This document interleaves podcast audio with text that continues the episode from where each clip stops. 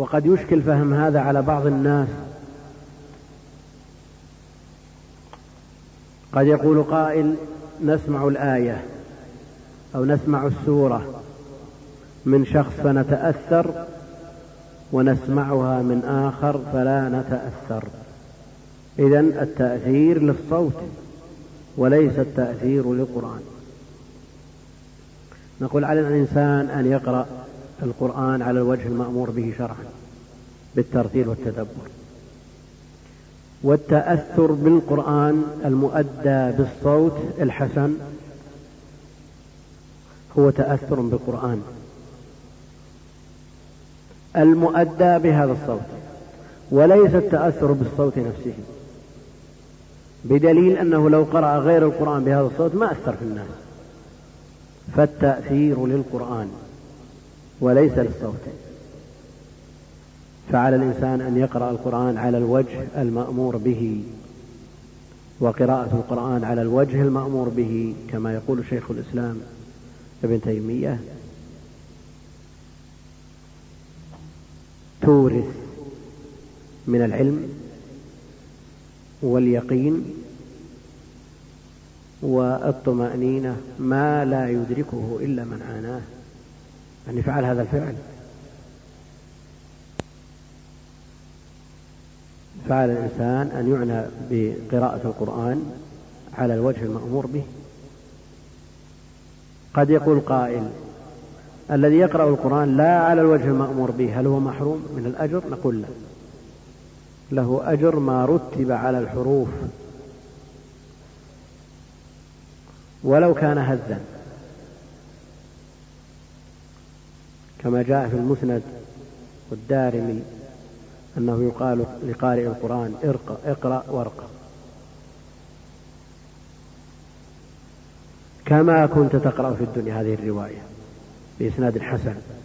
هزا كان أو ترتيلا. وهذه في المسند والدارمي.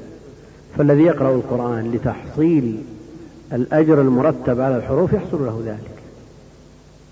ولا يخفى عليكم أن في القرآن أكثر من ثلاثمائة ألف حرف. وثلاثمائة ألف حرف في عشرة الحد الأدنى للمضاعفة ثلاثة ملايين حسنة. والمحروم من حرم. المؤسف أن يوجد بين طلاب العلم من يسمع النصوص الواردة في فضل القرآن وتعلم القرآن وتعليم القرآن ولا يتصدى لذلك. نجد من ينتسب إلى العلم من كبار وصغار يقرؤون جميع العلوم إلا القرآن.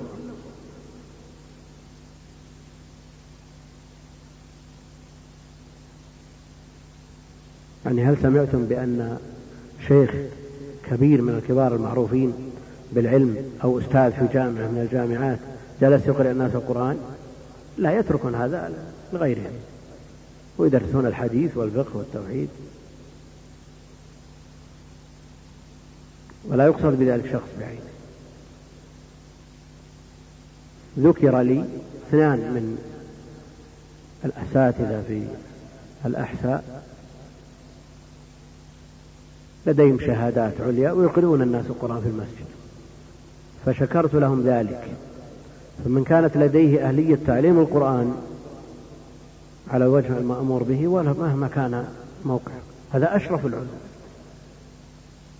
هذا خيركم من تعلم القرآن وعلم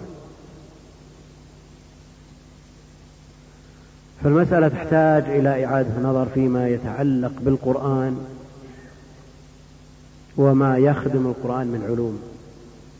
ما أعطي القرآن حظه من العناية حتى ولا التفسير رغم أهميته ما أعطي حظه تجد اهتمام الناس بالأحكام. تجدهم بالعقائد. هذا كله مطلوب. لكن يبقى أن كلام الله أهم المهمات وأولى ما تصرف فيه الأوقات. الله المستعان.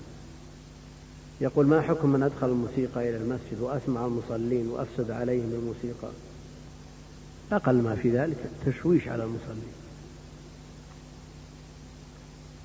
وشغل المصلين إضافة إلى أن الموسيقى حرام. وفتوى اللجنة الدائمة معروفة في هذا. الموسيقى حرام. مع الأسف الشديد أن تشبه المساجد بالكنائس. يؤدون عباداتهم والموسيقى شغالة. فصرنا نقلدهم. إنسان قد يرتكب محرمات ويتوب ويستغفر لكن محرمات مضاعفة مركب بعضها على بعض مثل هذا يستمع إلى الموسيقى وهي حرام ويتعدى ضرره إلى غيره من المصلين ويحضر ذلك إلى أماكن العبادة. ألا يعلم أن صلاته باطلة عند الظاهرية؟ الذين يرون أن كل نهي يقتضي الفساد وإن كان بعض الظاهرية لهم رأي في الغنى أصلا. لكن يبقى أن كل نهي يقتضي الفساد عندهم. فصلاته فاسدة على رأيهم.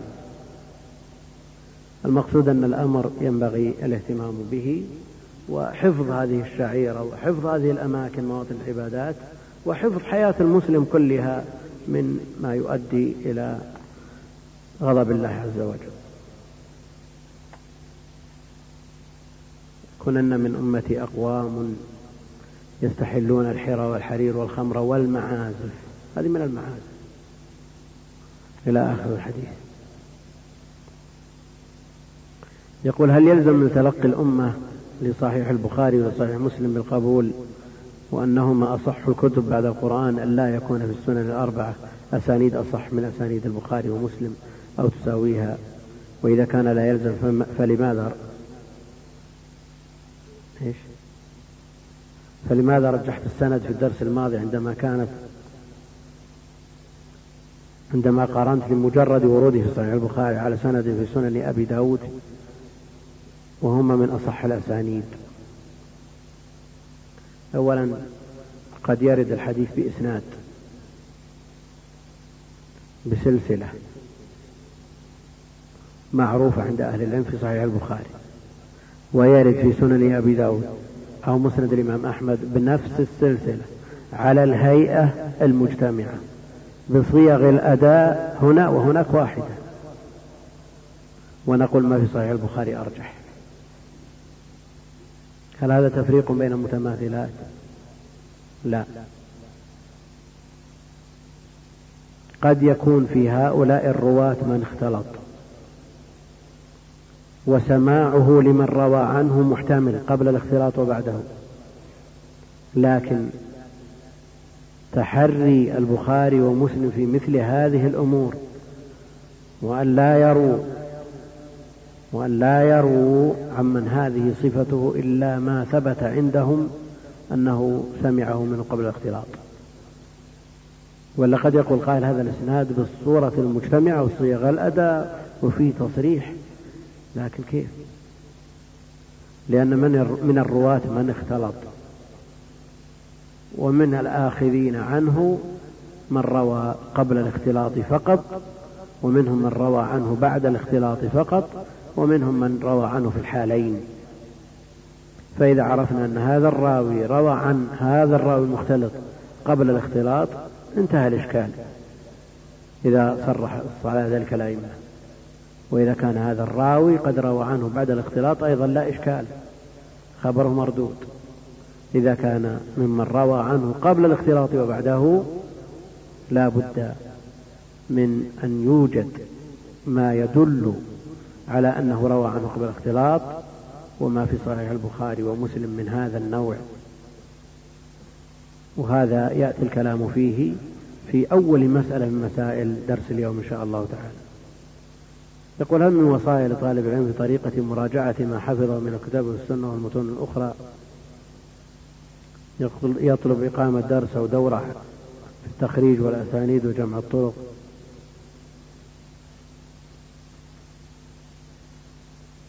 ويطلب أيضا إعداد منهجية لطالب العلم في العلوم المختلفة. وثالث ما أطلبه إعداد ورقات في الكتب المشهورة المهمة لبيان أحسن الطبعات. هذا كل سؤال يحتاج إلى إلى درس. لكن باعتبار هذا آخر الدروس وبنهايته نكون قد أنهينا ثلث الكتاب وقد أبلغت القائم على الدورة وفقه الله أنني على استعداد إجابة لطلب الإخوان أن أكمل الكتاب في الدورة اللاحقة الحادية عشرة وأن يكون نصيبه أسبوعين بدل أسبوع واحد. وينتهي إن شاء الله تعالى. لأن هؤلاء المجتمعون ما يمكن جمعهم في مكان آخر إلا في مثل هذه الدورة. وأنا أعدكم إن شاء الله تعالى. إن شاء الله تعالى أني أكمله في الدورة اللاحقة بإذن الله. ما لم يحصل هناك مانع والموانع. الله المستعان متوقع. بشر عرضة. نسأل عن بعض البنوك والمعاملات كثيرة الأسئلة.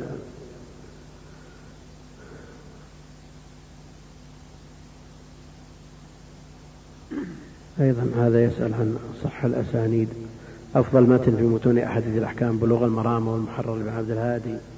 وما الفرق بينهما؟ هما متقاربان هما متقاربان. وابن حجر استفاد من المحرر وابن عبد الهادي لا شك أنه من أهل هذا الشان وأشار إلى بعض العلل في نهاية كل حديث. فهو كتاب قيم يحتاجه طالب العلم وإشاراته مهمة.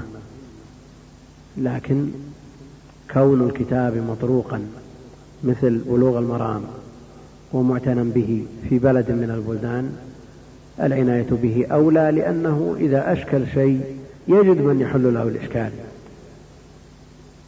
من الشروح والأشرطة والدروس والدورات وغير ذلك. أما المحرر نعم بدأت به العناية.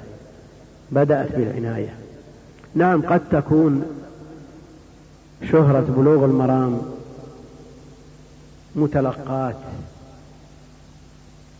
من بلدان أخرى أهلها من الشافعية لأن كل أهل مذهب يعنون بكتبه وابن حجر شافعي ويعنى بأدلة الشافعية وإن كان يذكر أدلة الأقوال الأخرى.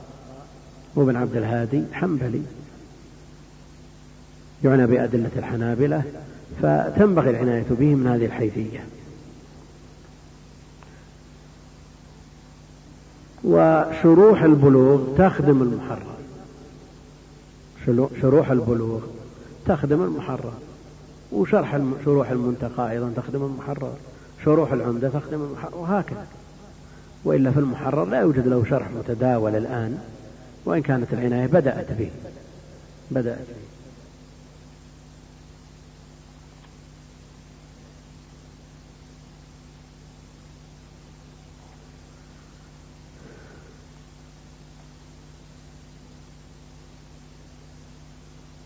يسأل هذا يقول ما أفضل الشروح المسموعة على نخبة الذكر؟ نعم عليه شروح كثيرة وفيها خير وبركة ونفع.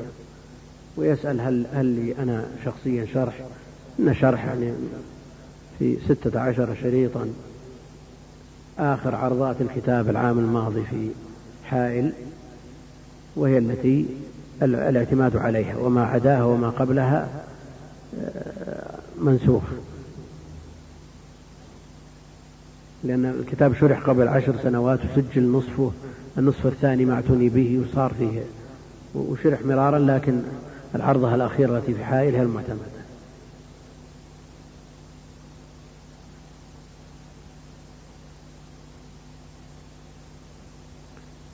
يقول قلت في درس سابق بأن الخوارج قد وضعوا أحاديث. الخوارج لا شك أنهم أصدق الناس لهجة. نعم. لا لا هذا النخبة النخبة, النخبة. إيه. لا شرح البخاري طريق آخر لا شك أن الخوارج من أصدق الناس لهجة وبهذا دافع الحافظ بن حجر عن تخريج الإمام البخاري لعمران بن حطان وهو داعية وانتقده العيني وقال وأي صدق في لهجة مادح قاتل علي أي صدق في لهجة مادح قاتل علي امرأة بن حطان قصيدة مشهورة مدح فيها ابن ملجم قاتل علي رضي الله عنه. لكنه مع ذلك وهو يمدح هو يرى أنه على حق فهو يمدح ما يراه الحق بغض النظر هل يوافق أو لا يوافق يعني هذا لا يقدح في صدق لهجته. والشيء المعروف عند أهل العلم قاطبة أن الخوارج يكفرون مرتكب الكبيرة والكذب كبيرة إذا لا يكذبون. وهذا ما قرره شيخ الإسلام ابن تيمية وغيره لكن وجد في كتب الموضوعات بعض الأحاديث التي في طريقها من رمي ببدعة الخوارج. نعم. وذكر عن بعض الخوارج أنه اعترف بالوضع لما تاب. المقصود أن كون الإنسان يخالف مذهبه نعم لأمر يراه يخدم هذا المذهب هذا معروف في المذاهب كلها. وإن كنا نرى أن الخوارج أبعد الناس عن الكذب لكن لا يمنع هذا أنه يقع منه. سم بسم الله الرحمن الرحيم. الحمد لله رب العالمين والصلاة والسلام على رسول الله وعلى آله وأصحابه أجمعين. اللهم اغفر لنا ولشيخنا وللحاضرين والمستمعين. برحمتك يا أرحم الراحمين. أما بعد قال المؤلف رحمه الله تعالى وما يماثل وما يماثله وكان الضبط خف فحسن لذاته فإن يخف. يحف يحف نعم. الله عنك وما يماثله وكان الضبط خف فحسن لذاته فإن يحف بمثله صحح بالمجموع واكتسب القوة بالجموع. ويطلق الوصفان للتردد إن أطلقوهما مع التفرد ويطلقان باعتبار الطرق في غير فرد في غير. ويطلقان باعتبار الطرق في غير فرد فدره وحقق. واقبل زيادة بها تفردا رويهما ما لم ينافي الأجودا وما روى المستور ومن دلس والمرسل الخفي ومن في الحفظ سا عند اجتماع الطرق عند اجتماع الطرق المعتبرة فحسن لغيره فاعتبره. وقولهم أصح شيء فيه أو أحسنه ليس ثبوت وقولهم أصح شيء فيه أو أحسنه ليس ثبوته عنوا بل زعموا أشبه شيء وأشف وأنه أقل ضعفا وأخف. وليس في القبول شرطا وليس في القبول شرطا العدد بل اشتراط ذاك بدعة ترد. ويقسم المقبول من حيث العمل إلى معارض ومحكم استقل. اقرأ اقرأ إلى النسك نعم شيخ طيب. فالمحكم النص الذي ما عارضه نص كمثله بحيث ناقضه. فمن أتته سنة صحيحة عن النبي ثابتة صريحة. فما لها عنها فما له عنها عدول الأبد لأي قول كان من أي أحد. وغيره معارض إن أمكنا بينهما الجمع فقد تعينا كالأمر إن عورض بالجواز في ترك المأمور إلى الندب اصرفي ومثله النهي لكره صرفا بحل إتيان وحظره انتفى.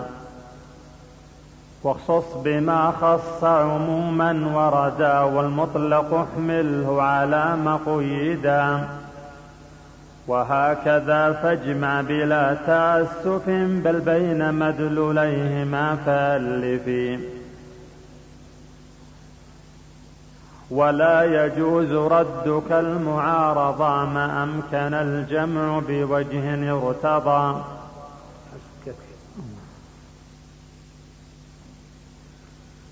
الحمد لله رب العالمين وصلى الله وسلم وبارك على عبده ورسوله نبينا محمد وعلى آله وصحبه أجمعين.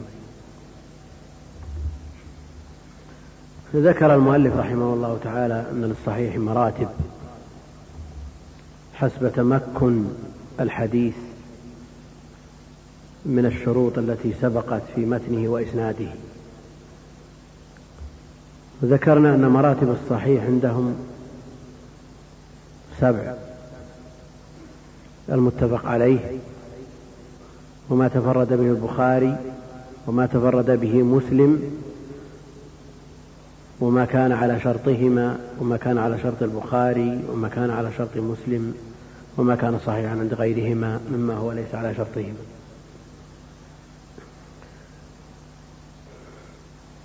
فما على شرطهما فما على شرط البخاري شرط مسلم تلا. ما المراد بشرطهما؟ يقول يعنون أن ينقل عن رجال قد نقلا لهم مع اتصال. مسألة شرط الشيخين أو شروط الأئمة عموما. الشرط واحد الشروط ويطلق ويراد به ما يلزم من عدمه العدم. لكنه لا يلزم من وجوده وجود ولا عدم. ولذا لا يمكن أن يلزم البخاري ومسلم بإخراج أحاديث استوفت الشروط التي اشترطوها ولم يخرجوها في ولم يخرجاها في كتابيهما. فالإلزام ليس بوارد. بل ترك من الصحيح الشيء الكثير خشية الطول كما صرح بذلك. ولم يصرح لا البخاري ولا واحد من الأئمة بشرطه بالتفصيل وإنما ظهر ذلك بالاستقراء عند أهل العلم. وكل قال بما أداه إليه اجتهاده وزعم أنه شرط البخاري أو شرط مسلم ولذا يختلفون في هذه المسألة اختلافا كبيرا. مسلم أودع في مقدمة كتابه بعض ما اشترطه ووضح شيئا من منهجه في كتابه. أبو داود في رسالته إلى أهل مكة ذكر بعض المنهج الذي سار عليه. الترمذي في علل الجامع أشار إلى بعض ما ينفع في هذا الباب. يبقى البخاري النسائي ابن ماجه.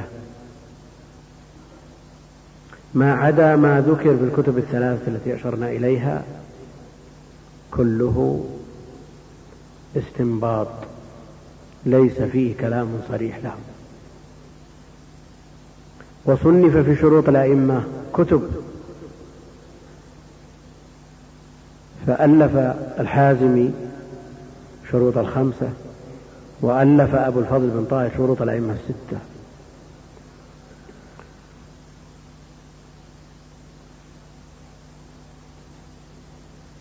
ما يريد ابن الحازم بهذه الشروط؟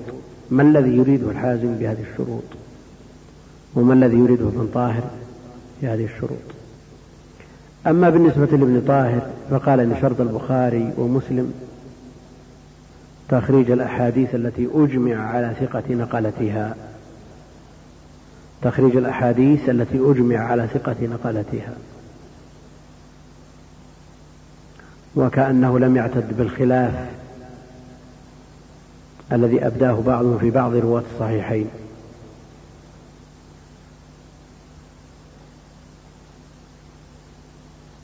أما الحازمي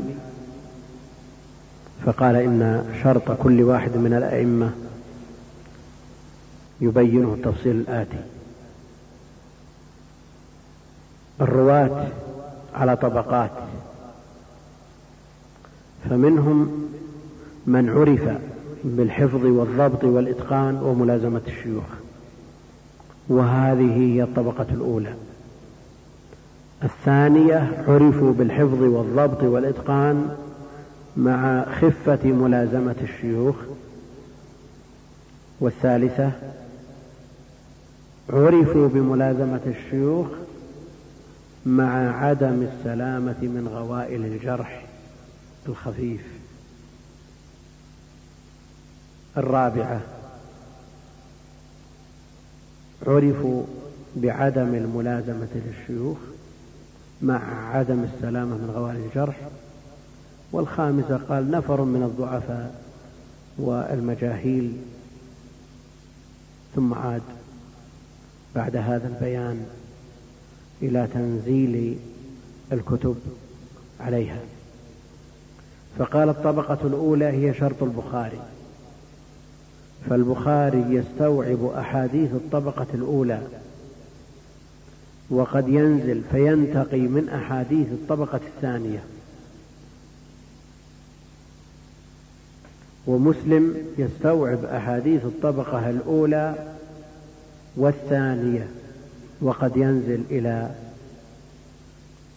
الانتقاء من أحاديث الطبقة الثالثة التي هي شرط أبي داود والنسائي والرابعة شرط شرط آه، الترمذي وأما الخامسة لا شك الترمذي خرج لبعض المجاهيل بل خرج لبعض المتروكين. وأما ابن ماجه فهو يستوعب أحاديث هذه الطبقات كلها. يهمنا بالدرجة الأولى الآن ما بين أيدينا من المراد بشرط الشيخين. كلام الحازمي وتفصيله الرواة كلام جميل لكن هل معنى أن هذا أنه لا يوجد في صحيح البخاري من أحاديث الطبقة الثالثة شيء؟ ولا يوجد في صحيح مسلم من أحاديث الطبقة الرابعة؟ أو قد يوجد مع الاحتياط لتخريج أحاديث مثل هؤلاء؟ إصدار قواعد عامة كهذه يبقى أنها قواعد أغلبية لا يستدرك عليها براو واحد أو اثنين ولا تخلو قاعدة من شواذ لكن هذا الغالب قواعد أغلبية.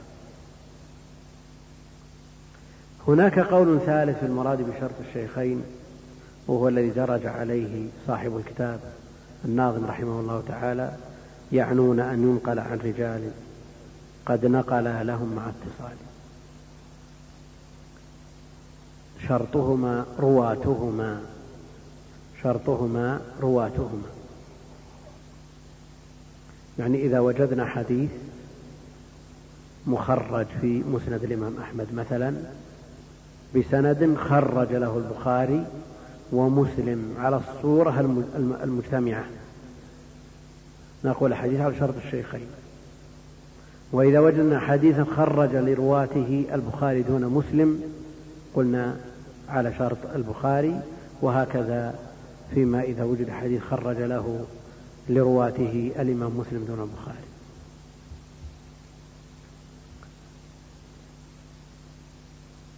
ويبقى أن هناك فرق مثل ما أشرنا سابقا أنه قد يخرج غير الشيخين بسند موجود في الصحيحين على الهيئة المجتمعة وعلى الصورة المذكورة بالترتيب المذكور بالصيغ المذكورة صيغ الأداء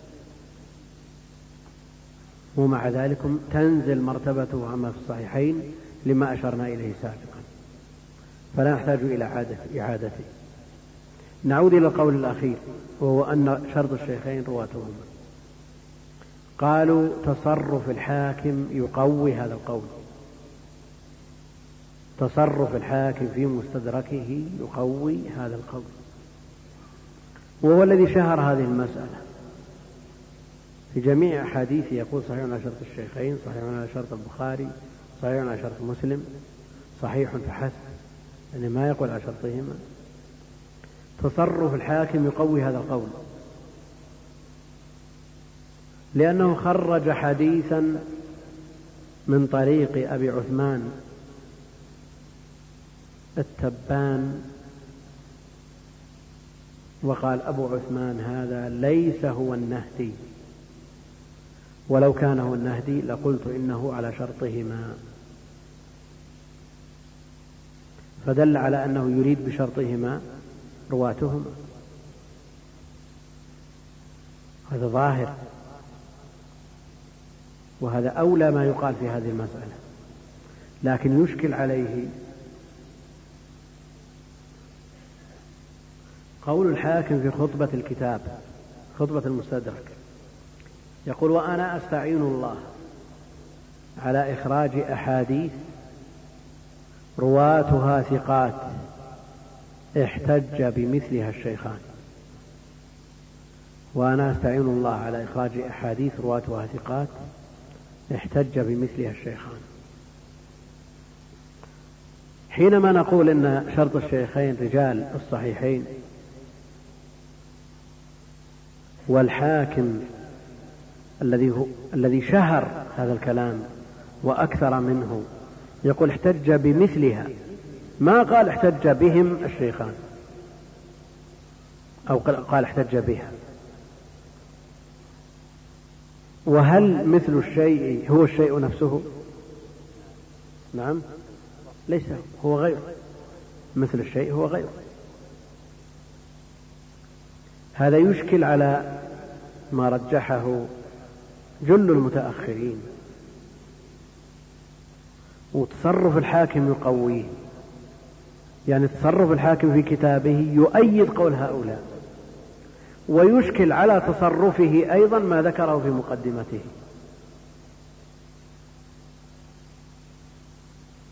إذا كيف نجيب؟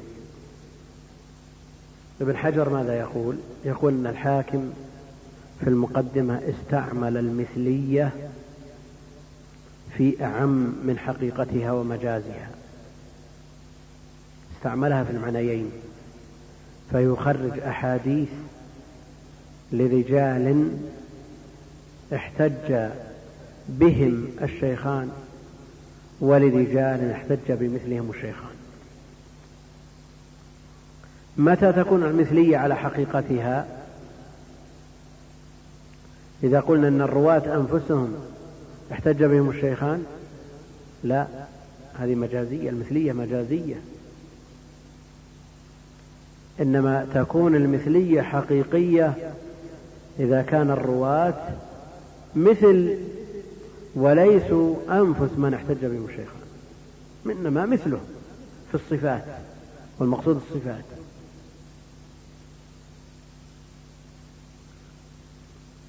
ظاهر ولا ما هو ظاهر؟ نعم. هل يجوز استعمال اللفظ الواحد في معنييه؟ أولا مسألة وجود المجاز وإقرار المجاز وعدم إقراره إحنا نتكلم على رأي من يجيزه وهم أهل الشأن على الكلام هذا. الذين يتكلمون بهذا الكلام يجيزون وجود المجاز. نعم. هل يجوز استعمال اللفظ في معنييه في حقيقته ومجازه؟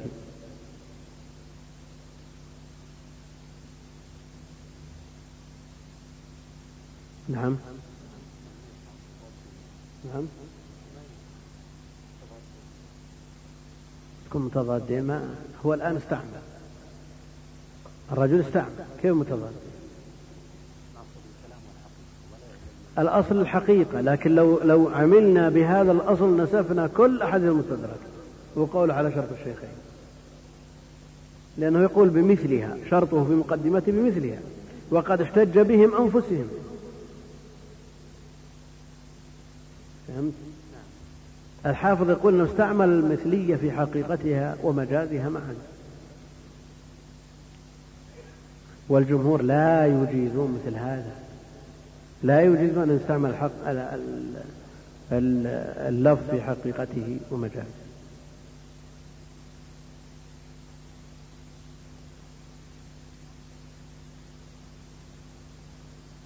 طيب. لو كان أمامك رجل شجاع.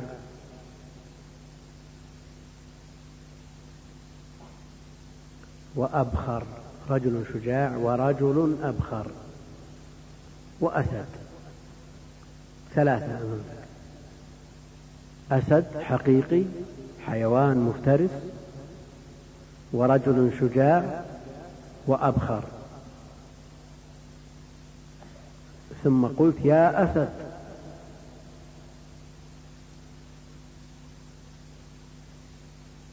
والتفت الثلاثة كلهم هل أنت أنت في قرارة نفسك أن تريد الثلاثة كلهم؟ أو تريد واحدا منهم إما الحقيقي الذي هو الأسد أو المجازي الرجل الشجاع ومجازه هنا قريب من الحقيقة أو المجاز الثاني البعيد عن الحقيقة لأن الرجل يقال له أسد لأن الأسد أبخر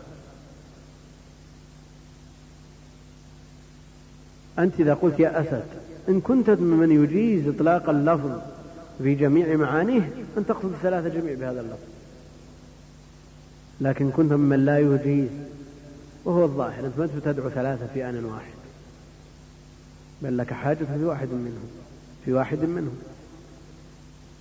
على كل حال الشافعية يجيزون استعمال اللفظ في حقيقته ومجازه والحاكم شافعي وابن حجر شافعي وجل من تكلم في هذا الباب من الشافعية. والجمهور لا يجيزون الحافظ يقول الحاكم استعمل المثلية في أعم حقيقتها ومجازها فاستعملها في حقيقتها إذا خرج الحديث من غير رواة من طريق غير رواة الشيخين إنما هم مثلهم في الأوصاف واستعملها في مجازها إذا خرج عنهم أنفسهم. ودعم ذلك بقصة. رأى رجل ثوب مع شخص فأعجبه فقال اشتر لي مثل هذا الثوب. قال كم يسوى هذا الثوب؟ قال عشرة دراهم. قال خذ عشرة دراهم اشتر لي مثل هذا الثوب.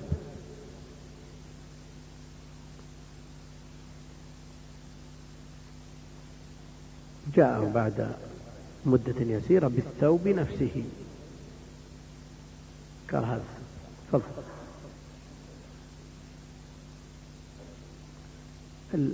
الموكل كأنه ندم. قال أنا ما قلت لك اشتر لي الثوب نفسه. اشتر لي مثل الثوب. اشتر لي مثل هذا الثوب. ما قلت لك اشتر لي الثوب نفسه. فتحاكم عند شريح. القاضي فألزمه بأخذ الثوب. قال الثوب يلزمك. ولا شيء أشبه بالشيء نفسه لا شيء أشبه بالشيء من الشيء نفسه. أنت تريد مثل هذا الثوب؟ خذ الثوب نفسه لأنه قد يأتي لك مثل هذا الثوب قد تختل بعض المواصفات وتقبل.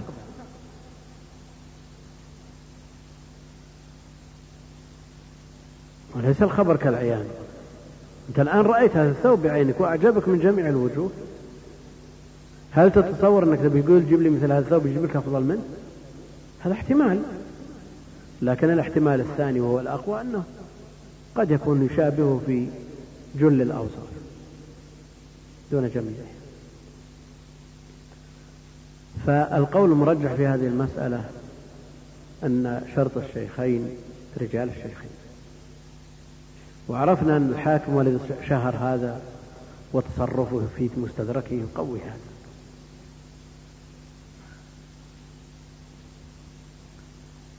مسألة تتعلق بالشرط وحصل فيها نزاع طويل وكلام شديد من متقدمين ومتأخرين وهي مسألة السند المعنعن وحكم الاحتجاج به. والإمام مسلم رحمه الله تعالى شنع على من حكم على السند المعنعن بالانقطاع وعلى من اشترط أكثر من المعاصرة مع إمكان اللقاء. وشدد في المسألة واستدل بصنيع أهل العلم وذكر أحاديث أنها لا تثبت على وجه الأرض. ذكر ثلاث أحاديث. لا تثبت إطلاقا إلا معنعنة ووجد من يكتب ويذكر أن هذا القول عليه إجماع أهل العلم وينفي ما نسب إلى الإمام البخاري. من الناحية العملية لا شك أن رأي مسلم عليه العمل. رأي مسلم عليه العمل من الناحية العملية. والقول الثاني وهو اشتراط اللقاء ولو مرة هو اللائق بتحري الإمام البخاري وتثبته. الأحاديث التي ذكرها مسلم وأنها لا توجد عند أحد من الرواة إلا معنعنة هي موجودة في صحيحه بصيغة التحديث. صحيح مسلم نفسه. وللإمام أبي عبد الله محمد بن رشيد بحث نفيس في هذه المسألة. اسمه السنن الأبين في الخلاف بين الإمامين في السند المعنعن. من أهل العلم من يرى أن السند المعنعن منقطع.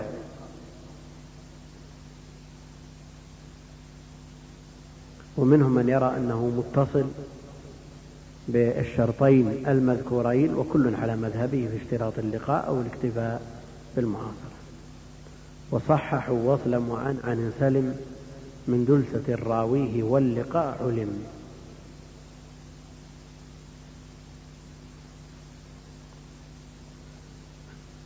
الإمام البخاري وهو من أهل التحري والتثبت نقل عنه وتداول أهل العلم من غير نكير القول باشتراط اللقاء. ونسب أيضا القول لعلي بن المدين والإمام مسلم نسبه إلى مبتدع إلى شخص مبتدع. ورد على هذا المبتدع وشدد وشنع على هذا المبتدع.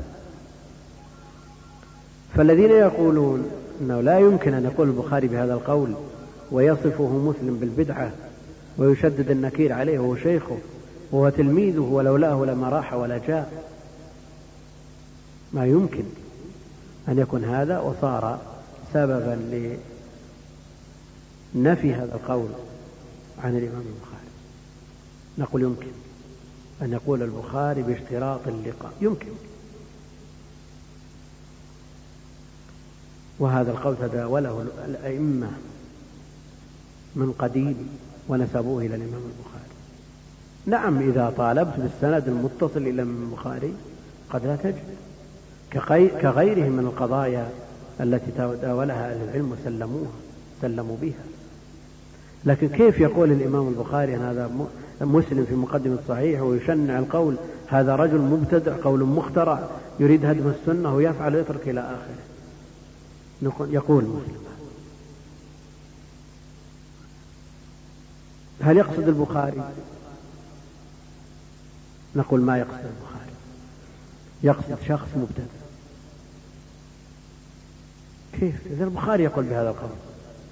علي بن المدينة نسب إليه هذا القول. لماذا لا يقصد البخاري؟ نقول لا يقصد البخاري.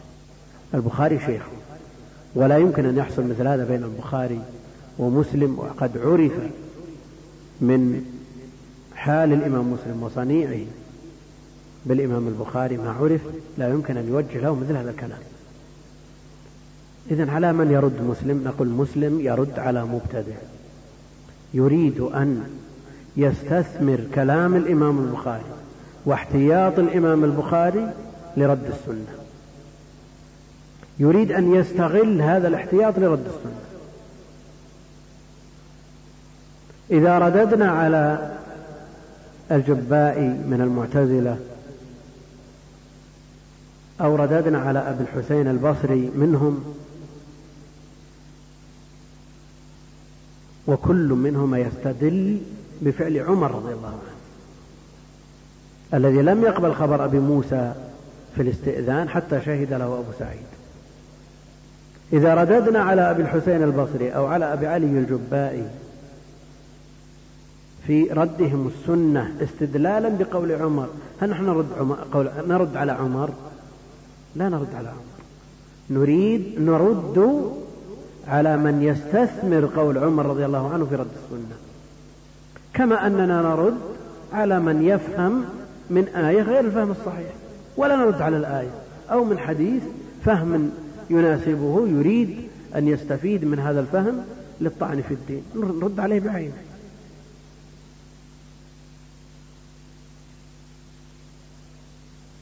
يعني إذا رددنا على الخارجي الذي يقول بكفر القاتل قاتل المؤمن المتعمد وقد استدل بآية النساء. هل معنى هذا أن نرد الآية؟ أو نرد استدلال هذا الخارجي بهذه الآية التي لها ما يوجهها من نصوص أخرى؟ نعم نرد على الاستدلال. فإذا رددنا على المعتزلة في ردهم خبر ال... الذي يرويه شخص واحد ويريدون بذلك أن يردوا السنة فإننا لا نرد عمر على عمر رضي الله عنه على احتياط عمر. عمر عرف بالاحتياط والتحري والدين محفوظ. وكون عمر يتثبت في حديث أو حديثين أو عشرة لا يعني أنه يرد كل السنة. وقد عمل عمر بخبر واحد وعمل قبله أبو بكر بخبر واحد وهكذا.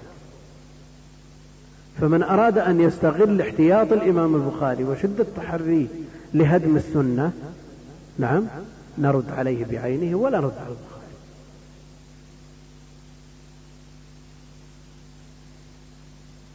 نظير ذلك.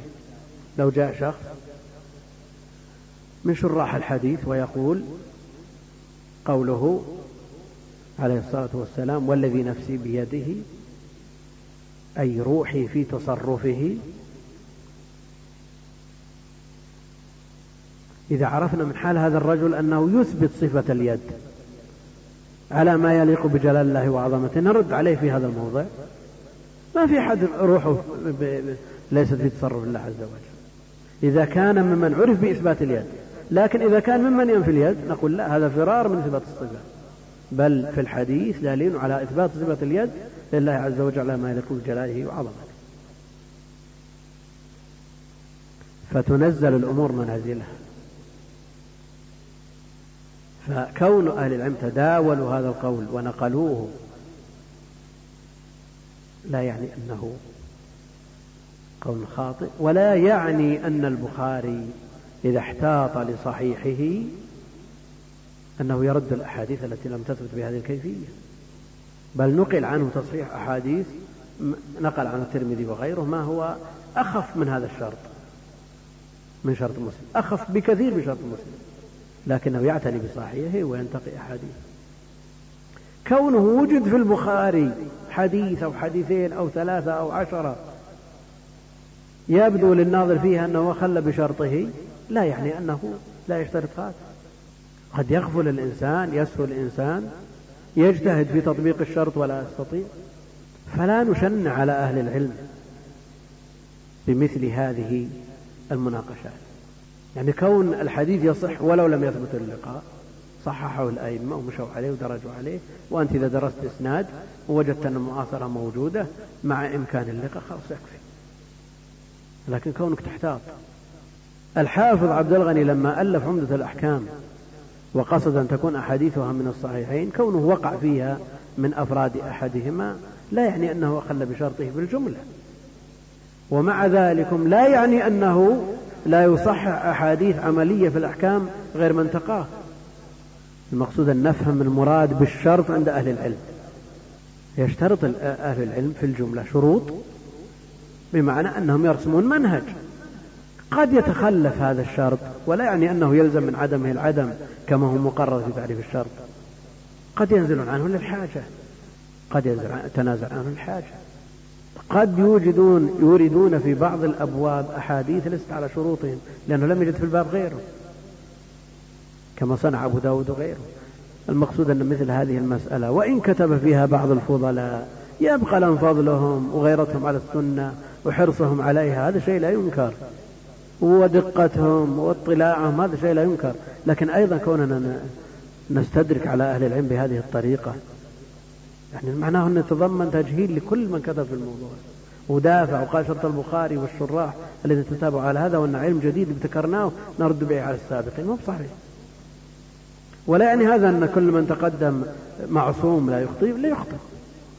كما أن الإنسان لا يدعي لنفسه العصمة وإذا أراد أن يناقش مسألة وأين هو من الأئمة الكبار؟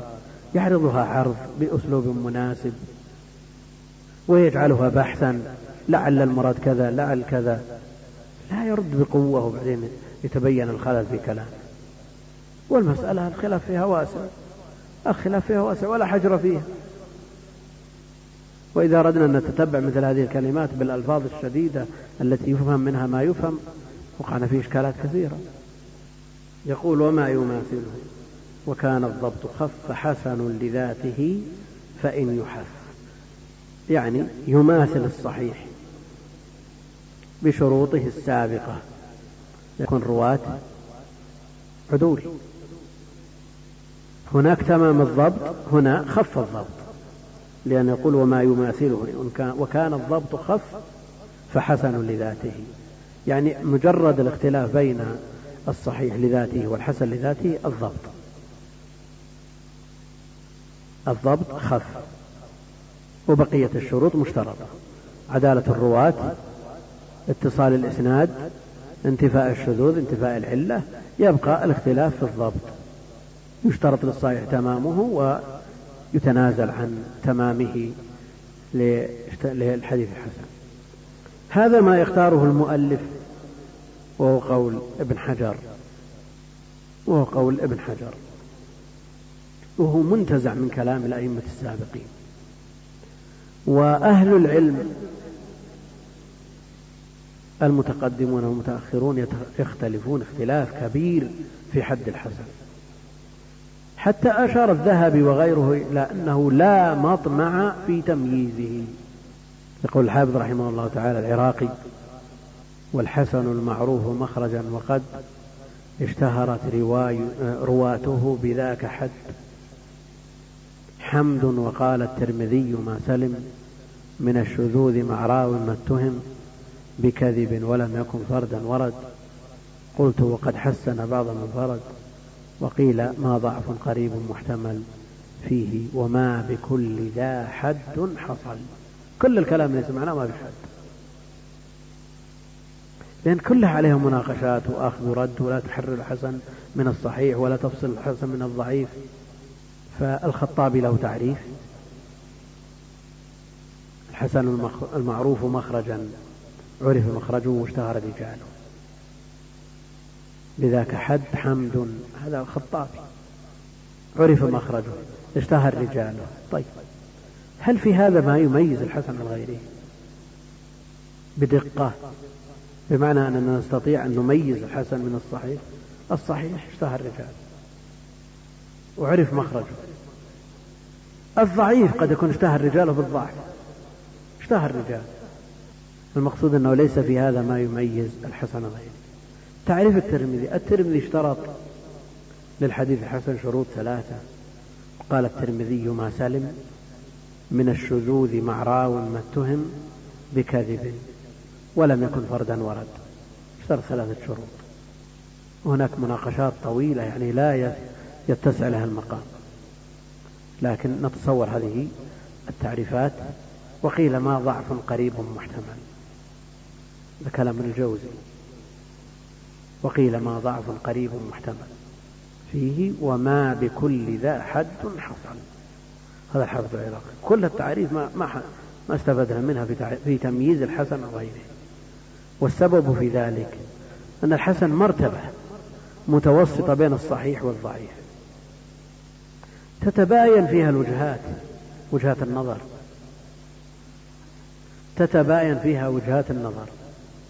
من أهل العلم من يرى أن الشروط توافرت فيلحق بالصحيح ومنهم من يرى أن هذا الحديث لم تتوافر فينزله إلى الضعيف ولذا من نتاج هذا البحث يقرر جمع من أهل العلم أن الذي يختلف في تصحيحه وتضعيفه من غير ترجيح.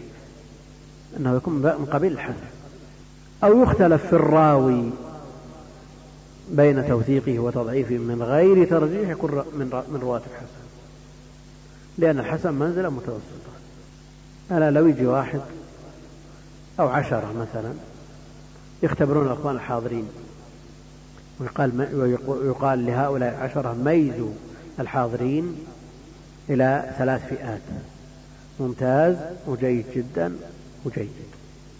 كلام شفوي ما هم مدون عليه درجات ومضبوط ومتقن مع أن المدون تتباين فيه أيضا الوجهات.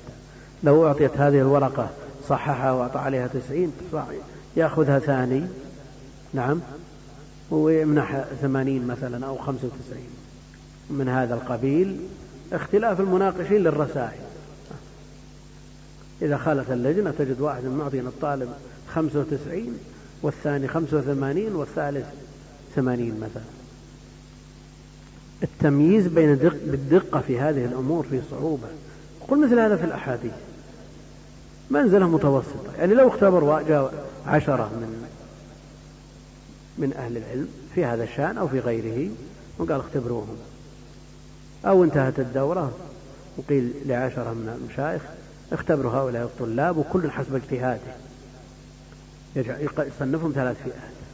لكن الذي يشهد له الواقع أنهم لن يجعلوا الضعيف جدا مع القوي جدا. نعم. لن يجعلوا هذا. هذا ظاهر يعني شخص ما يأخذ راتب يمكن يجي ثاني يصحح ويعطيه ممتاز؟ هذا ما يمكن. لكن جيد جدا يطلعه إلى الممتاز أو ينزله الجيد هذا كثير هذا وهذا الاحتمال الواقع في ترقية الحسن إلى الصحيح أو إنزاله إلى الضعيف والتذبذب بين المرتبتين. ولذا حد الحسن من أصعب ما يدرس وهو صعب أيضا في التطبيق إلا أن صاحب الخبرة والدربة تتكون لديه ملكة تجعله بالقرائن يحكم عليه أنه في مرتبة لا يطلع إلى الصحيح ولا ينزل إلى الضعيف. ولذا تجدون في النقاد من كثر في صنيعه إلحاق الحسان بالصحاح وجعل لا يميز بين الصحيح والحسن. وفيهم من كثر إلحاق الحسان بالضعيف. ووصف الأول بإيش؟ بالتساهل. ووصف الثاني بالتشدد. والسبب في ذلك كون الحسن مرتبة متذبذبة. فطالب العلم يقرأ مثل هذه الأمور للتمرين يتمرن عليها. لكن إذا أكثر من التطبيق تتضح له الصورة. تتضح له الصورة. والعلم علم عملي. وذكرني أحد الأخوة بمثال كنت قد قرأته قديما للشيخ علي الطنطاوي رحمه الله. قال لو تحضر كتاب في تعليم السباحة وتعطيه شخص يقرأ هذا الكتاب حفظ كما يحفظ الفاتحة يحفظه حفظ عن ظهر قلب. وتيجي وتحمل هذا الشخص الذي حامل الكتاب وترميه في بحر. فائدته من العلم النظري. كبيرة ولا ما؟ يمكن يغرق ويموت. يغرق ويموت هو حافظ الكتاب. هذه العلوم عملية تحتاج إلى مزاولة. فإذا كثر كثرت مزاولة طالب العلم لهذا العلم ومعاناته مع الاطلاع على أعمال أهل العلم في هذا وقراءة تخاريجهم وأحكامهم على الحديث بإذن الله تتولد لديه الملكة. لكن على أن يصحب ذلك سلامة قلب وإخلاص ونية صالحة وعفة لسان. يلزم أن يكون عرف شيء من علوم الحديث يتهجم على أهل العلم ويسفه ويجهل والكبار والصغار. وصحيح وإن ضعفه. أحمد وضعيف وإن شو الكلام؟ طالب العلم بحاجة إلى الأدب. بحاجة ماسة إلى أن يتأدب وهو أولى الناس بأن يكون قدوة لغيره. وإذا أراد طالب العلم أن يتأدب بأدب مناسب يتعامل به مع الكبار فليقرأ مقدمة موضح أوهام الجمع والتفريق للخطيب البغدادي أو مقدمة معه أيضا. يقرأ مقدمة القول المسدد للحافظ بن حجر ويقرأ في جامع بيان العلم وفضله للإمام الحافظ بن عمر أبو عمر بن عبد البر والجامع لأخلاق الراوي وكتاب السمعاني في أدب طالب العلم. المقصود أن هناك كتب ألفت في هذا الباب ينبغي أن يكون طالب العلم على علم بها فيتأدب مع الكبار والصغار. وفي الكتاب نعم. جامع بيان العلم جامع بيان العلم من أنفس ما كتب في الباب. يعني لا يستغني عنه طالب علم. لكن مقدمة الخطيب لموضح أوهام الجمع والتفريق لأنه بصدد الرد على الكبار. هذه الأوهام حصلت من كبار. فقدم بمقدمة يحتاجها كل طالب علم. وفي هذا الكتاب الذي ندرسه آداب الشيخ والطالب ويأتي إن شاء الله بيانها بالتفصيل. فحسن لذاته فإن يحف بمثله صحح بالمجموع. أن يحف الحسن لذاته فإنه يعني إن, إن يضم إليه يحف بطريق آخر بمثله صحح يعني حسن لذاته مع طريق آخر حسن لذاته يكون المجموع صحيح لغيره.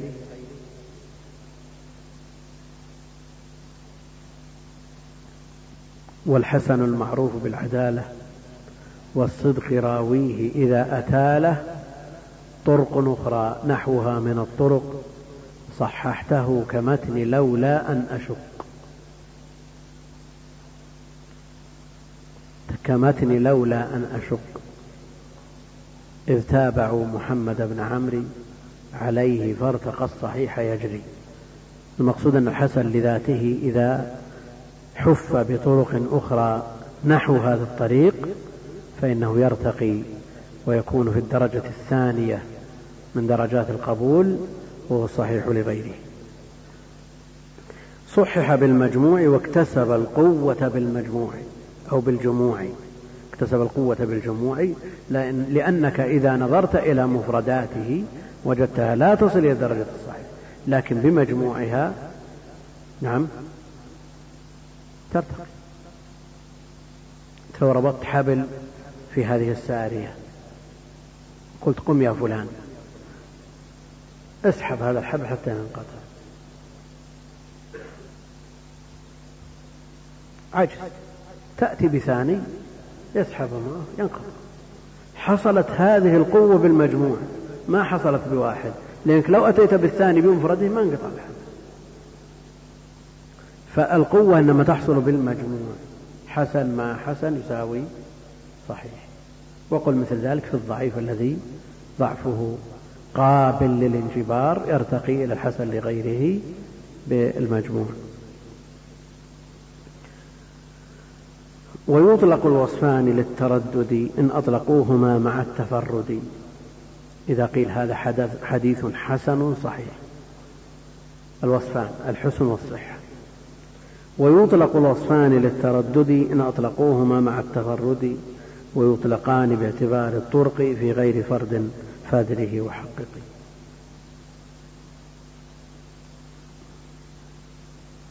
إذا قال أهل العلم وهذا أكثر ما يوجد عند الترمذي. هذا حديث حسن صحيح.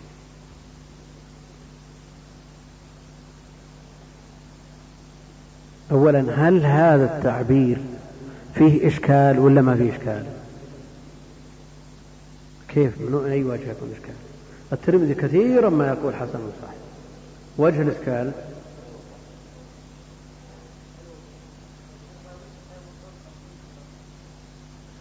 لكن هل المقصود من الكلمة واضح من أول وهلة ولا لا؟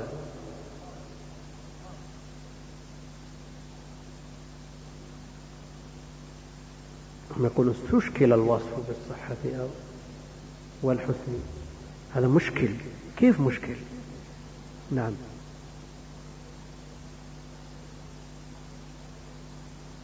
حسن صحيح. يعني إذا قلنا الحديث حسن بوصفان متباينان. إذا قلنا حسن معناه أنه قصر عن رتبة الصحيح. فإذا أضفنا إلى ذلك الصحيح أنه طلع. نزل عن رتبة الصحيح ثم طلع إليه. كيف؟ في آن واحد نعم.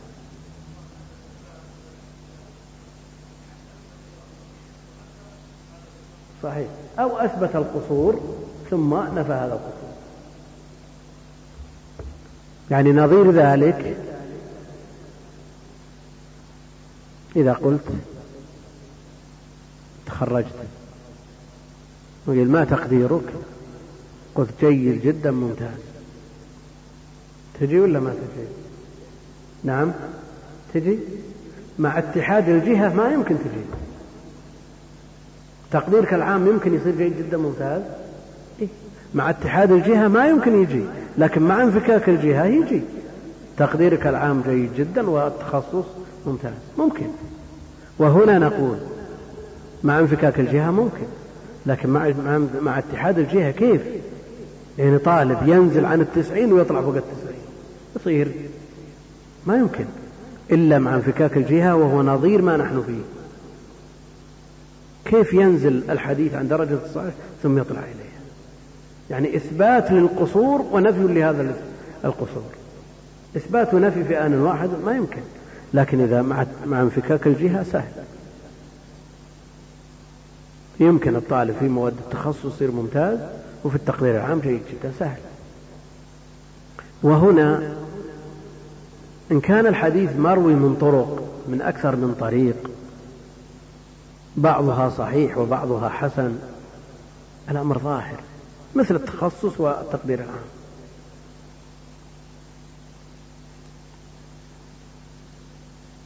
نعم. بعضها صحيح وبعضها حسن. فعل هذا مع تعدد الطرق هذا إذا تعدد الطرق محمولا على أنه ثبت بأسانيد صحيحة وأسانيد حسنة. وغاية ما هنالك أن الإمام حذف حرف العطف فعليه أن يقول صحيح وحسن أو حسن وصحيح. حسن من طريق وصحيح من طريق. يرد على هذا أنه إذا لم يعرف إلا من طريق واحد. يعني ما في إلا طريق واحد. كيف؟ يعني إذا قلت جيد جدا ممتاز وهو ما فيه إلا مادة واحدة. كيف تأخذ جيد جدا ممتاز؟ نقول اللجنة اختلفوا. واحد قال صحيح ممتاز. وواحد قال يستحق جيد جدا. وهنا اختلف العلماء. هل يصل إلى درجة الصحيح أو إلى درجة الحسن؟ وغاية ما هنالك أن يقال أن الإمام حذف حرف التردد فعليه أن يقول حسن أو صحيح. يتردد في حكمه لأن النقاد ترددوا أو الناقد نفسه تردد هل بلغ أو لم يبلغ. واضح؟ الكلام في هذه المسألة كثير جدا.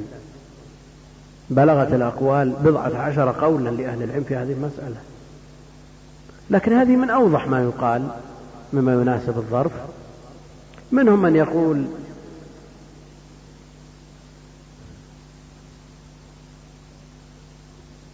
السند لا يصل إلى درجة الصحة والمتن لورود ما يشهد له يصل. ومنهم من يقول أن الحديث وهو يسند القول السابق مشرب. الصحة مشربة بحسن. صحته مشربة بحسن. يعني أنه ليس بصحيح بمعنى الإطلاق ولا بحسن في مرتبة بينهما. يعني مثل ما تقول حامض حلو بين الأمرين. مشرب ومنهم من يقول الحسن المراد به الحسن اللغوي ألفاظه حسنة وجميلة وصحته من حيث الثبوت. المقصود هناك أقوال كثيرة لا نطيل بذكرها. ويطلق الوصفان للتردد إن أطلقوهما مع التفرد يعني إذا مع التفرد. ليس له إلا إسناد واحد يطلق تردد هل بلغ أو لم يبلغ وهذا ذكرناه. ويطلقان باعتبار الطرق في غير فرد فدره وحققي واقبل زيادة. بها تفرد راويهما ما لم ينفي ما لم ينافي الأجودا هذه مسألة زيادة الثقة. وهي من المعضلات. زيادة الثقة. هل تقبل زيادة الثقة؟ إذا جاءنا هذا الثقة بحديث مستقل تفرد به عن غيره من الرواة يقبل ولا ما يقبل؟ يقبل لأننا ما نشترط التعدد لكن اشترك الرواة في رواية حديث عشرة تسعة رووه بدون جملته الأخيرة. رواه واحد باللفظ الذي ذكروه زاد جملة. إن الله يحب التوابين. آه، إنك لا تخلف الميعاد. زيادة من المسلمين في زكاة الفطر. نعم جعلت تربتها. مقصود أن الزيادات في هذا كثيرة. فهل تقبل باعتبار ثقة ولو تفرد بالحديث نقبل فكيف لا نقبل زيادة؟ أو نقول لو كانت محفوظة تواطى على, على رواياتها التسعة كلهم. لكن لما تفرد بها شككنا. المسألة خلافية. والمتأخرون جروا على قواعد مضطردة منهم من يقبلها مطلقا لأن من زادها معه زيادة علم ومنهم من يردها مطلقا لأن عدمها متيقن ووجودها مشكوك فيه واقبل زيادات الثقات منهم ومن سواهم وعليه المعظم. المقصود أن المسألة مختلف فيها. فالأكثر على أنها تقبل مطلقا وهناك نقول عن أهل العلم عن ابن حبان عن ابن عبد البر جمع من الأئمة يقبلون. وهناك من تصرفات الأئمة الكبار ما فيه قبول بعض الزيادات.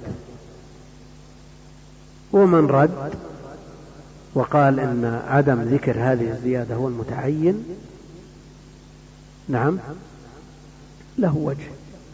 لأن لو كانت محفوظة وهو تصرف بعض الكبار الأئمة يقوي الرد. فالأئمة الكبار في كلامهم ما يؤيد القبول وفي صنيعهم ما يؤيد الرد.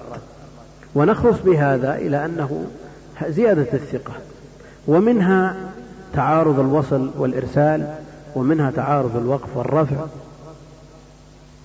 لا يمكن القول بقبولها باضطراد.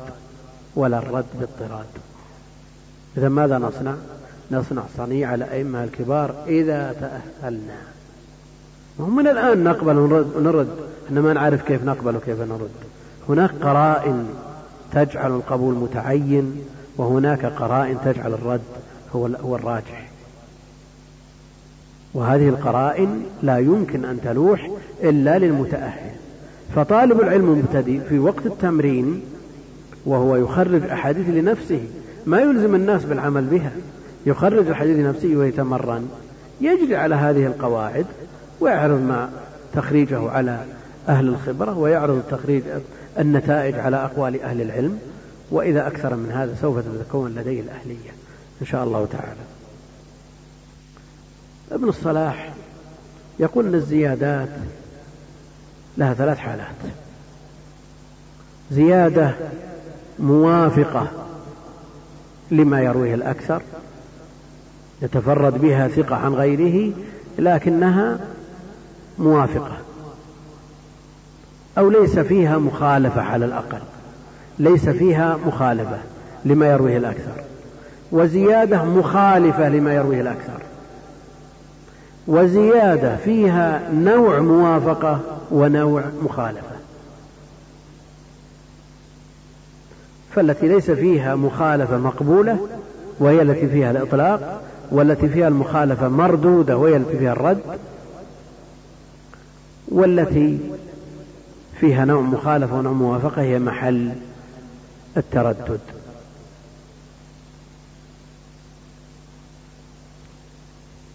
الأصعب أصعب الأنواع الموافقة التي ما فيها مخالفة سهلة والتي فيها المخالفة أيضا أمر لا مخالفتها واضحة المسألة في المخالفة من وجه موافقة من وجه. وهذه هي التي تشكل في الباب. الزيادة الموافقة من وجه مخالفة من وجه وهذه مسألة تحتاج إلى عناية. يعني لو صرفنا فيها ربع ساعة ما تضيق صدوركم إن شاء الله. نعم؟ في الحديث الصحيح في حديث الخصائص. وجعلت لي الأرض مسجدا وطهورا. جاء في صحيح مسلم وجعلت تربتها لنا طهورا. لفظ التربة فيه موافقة للأرض من وجه وفيه مخالفة من وجه. نعم. تيمم صعيدا.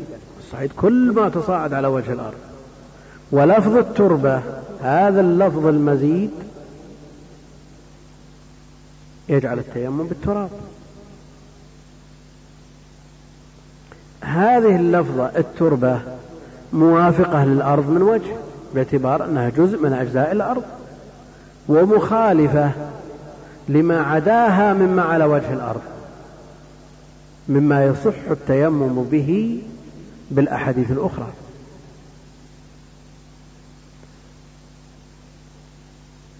الآن لفظ التربة والتربة جزء مما على وجه الأرض. موافقة للأرض باعتبارها جزء منه ومخالفة باعتبار الأجزاء الأخرى.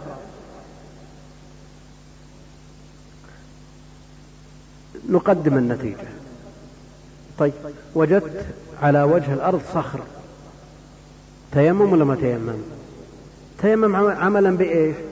تيمم صعيدا تيمم جعلت تربته آه، جعلت لي الأرض هذا على الأرض. أما على رواية تربتها ما تتيمم الحجارة ولا تيمم على الرمل لأنه ما هو تراب مقتضى الزيادة فهي مخالفة. مخالفة من وجه وموافقة من وجه. ولذا يختلف أهل العلم فيما يتيمم به. هل يشترط أن يكون المتيمم به تراب أو لا يشترط؟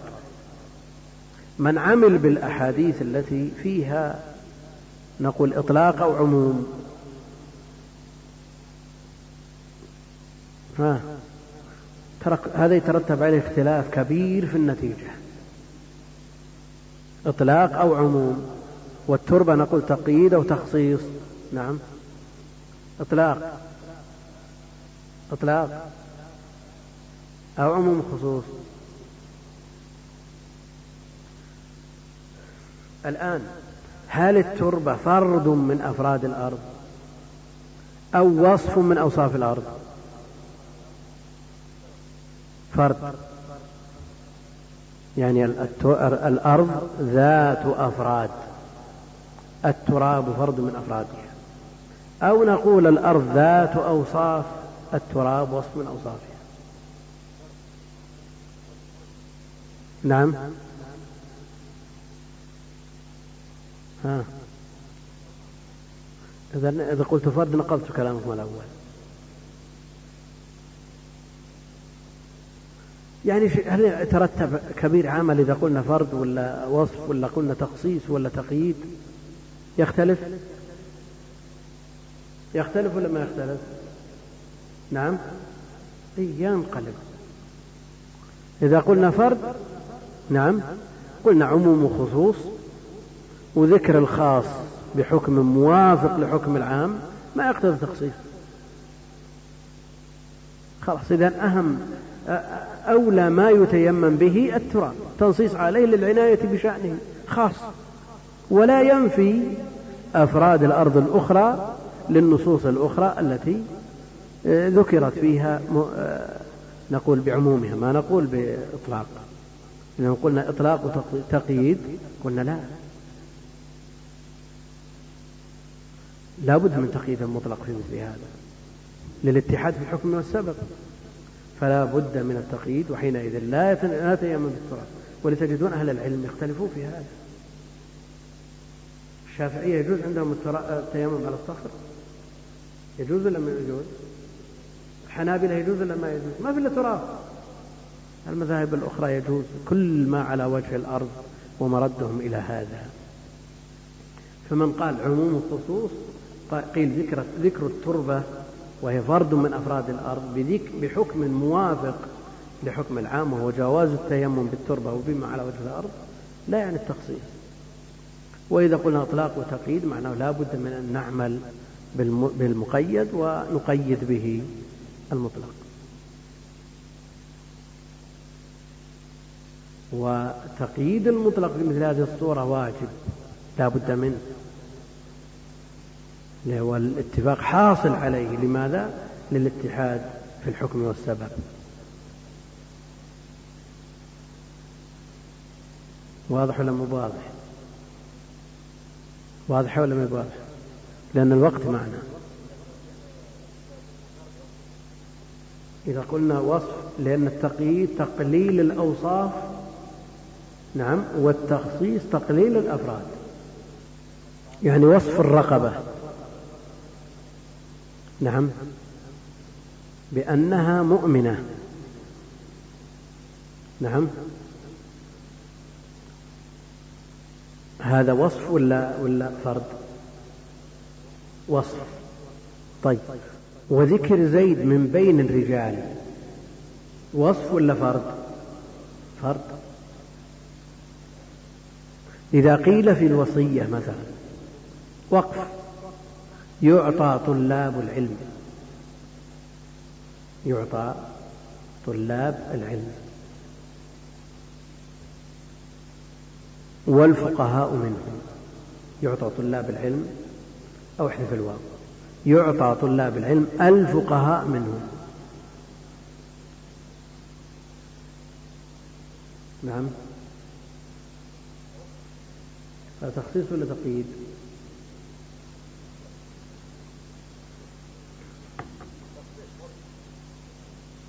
قلنا الأوصاف في الإطلاق والتقييد والأفراد. قلنا أن الإيمان وصف. وزيد من بين الرجال فرد. نعم.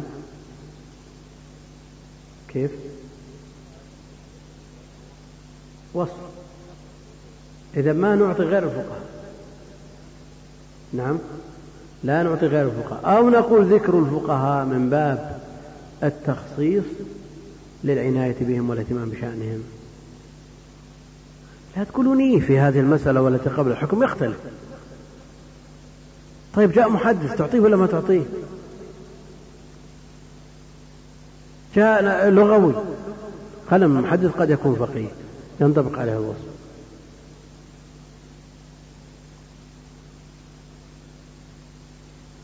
أخوان الفرق بين التقييد والتخصيص لا بد لطالب العلم من العناية به. لأنه يختلف الحكم. فإذا قلنا أن التربة وصف من أوصاف الأرض قلنا لا بد أن يكون المتيمم به تراب. وهذا شرط عند جمع من أهل العلم. لا يرون التيمم غير التراب لأنهم يقيدون ما أطلق في الروايات الأخرى. وإذا قلنا إنه فرد من أفراد الأرض قلنا أن ذكر التراب للاهتمام به والعناية بشأنه. وما روى المستور أو من دلس والمرسل الخفي ومن في الحفظ سهى أو ساء عند اجتماع الطرق المعتبرة فحسن لغيره فاعتبر. افترض أن يكون هذا الكلام بعد ذكر الحديث الضعيف. بعد ذكر الضعيف لأن الحسن لغيره لا يمكن تصوره إلا بعد تصور الضعيف. لا يمكن تصوره إلا بعد تصور الضعيف. فيؤجل مع الضعيف. وبهذا نكون انتهينا. هذا حط عليه علامة. ما في يحتاج إلى وقت يعني إذا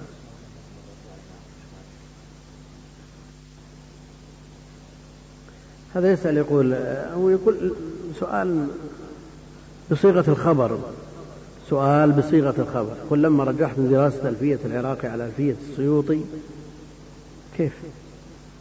يعني يسأل عن سبب الترجيح. الأسباب كثيرة. منها إمامة الحافظ العراقي. وهذا العلم دين. هذا العلم دين. فانظر من تأخذ دينك. لأنه يعني تأخذ علمك من الحافظ العراقي أفضل من أن تأخذه تأخذه من دينه من دونه ألفية العراقي الأصل في الباب. ولذا يقول السيوطي واقرأ كتابا تدري منه الاصطلاح. كهذه أو أصلها اللي هو ألفية العراقي وابن الصلاح. فهي أصل لألفية السيوطي. الأمر الثاني ألفية العراقي أسلس وأسهل. والعناية بها من قبل أهل العلم أكثر. نعم زاد السيوطي بعض الأبواب تؤخذ من من ألفية السيوطي. ومع عدا ذلك يعتنى بألفية العراقي يقول البعض يقول إنه يجوز الاحتجاج بالحديث الضعيف فضائل الأعمال والبعض الآخر يقول إنه لا يجوز لأن فضائل الأعمال من الدين وما الصحيح. نعم. فضائل الأعمال يريد بها الجميع ما يرتب عليه ثواب. ما يرتب على فعله ثواب ولا يرتب على تركه عقاب. هذه فضائل الأعمال وإذا كان هذا حده فهو المستحب وهو السنة. والسنة والمستحب حكم تكليفي. ففضائل الأعمال والسنة والمستحب أحكام حكم من الأحكام التكليفية. فكيف نقول لا يشترط أو نعمل بالضعيف في الفضائل دون الأحكام والفضائل من الأحكام؟ والمسألة تحتاج إلى بسط طويل ومن قال به وهم جمهور أهل العلم.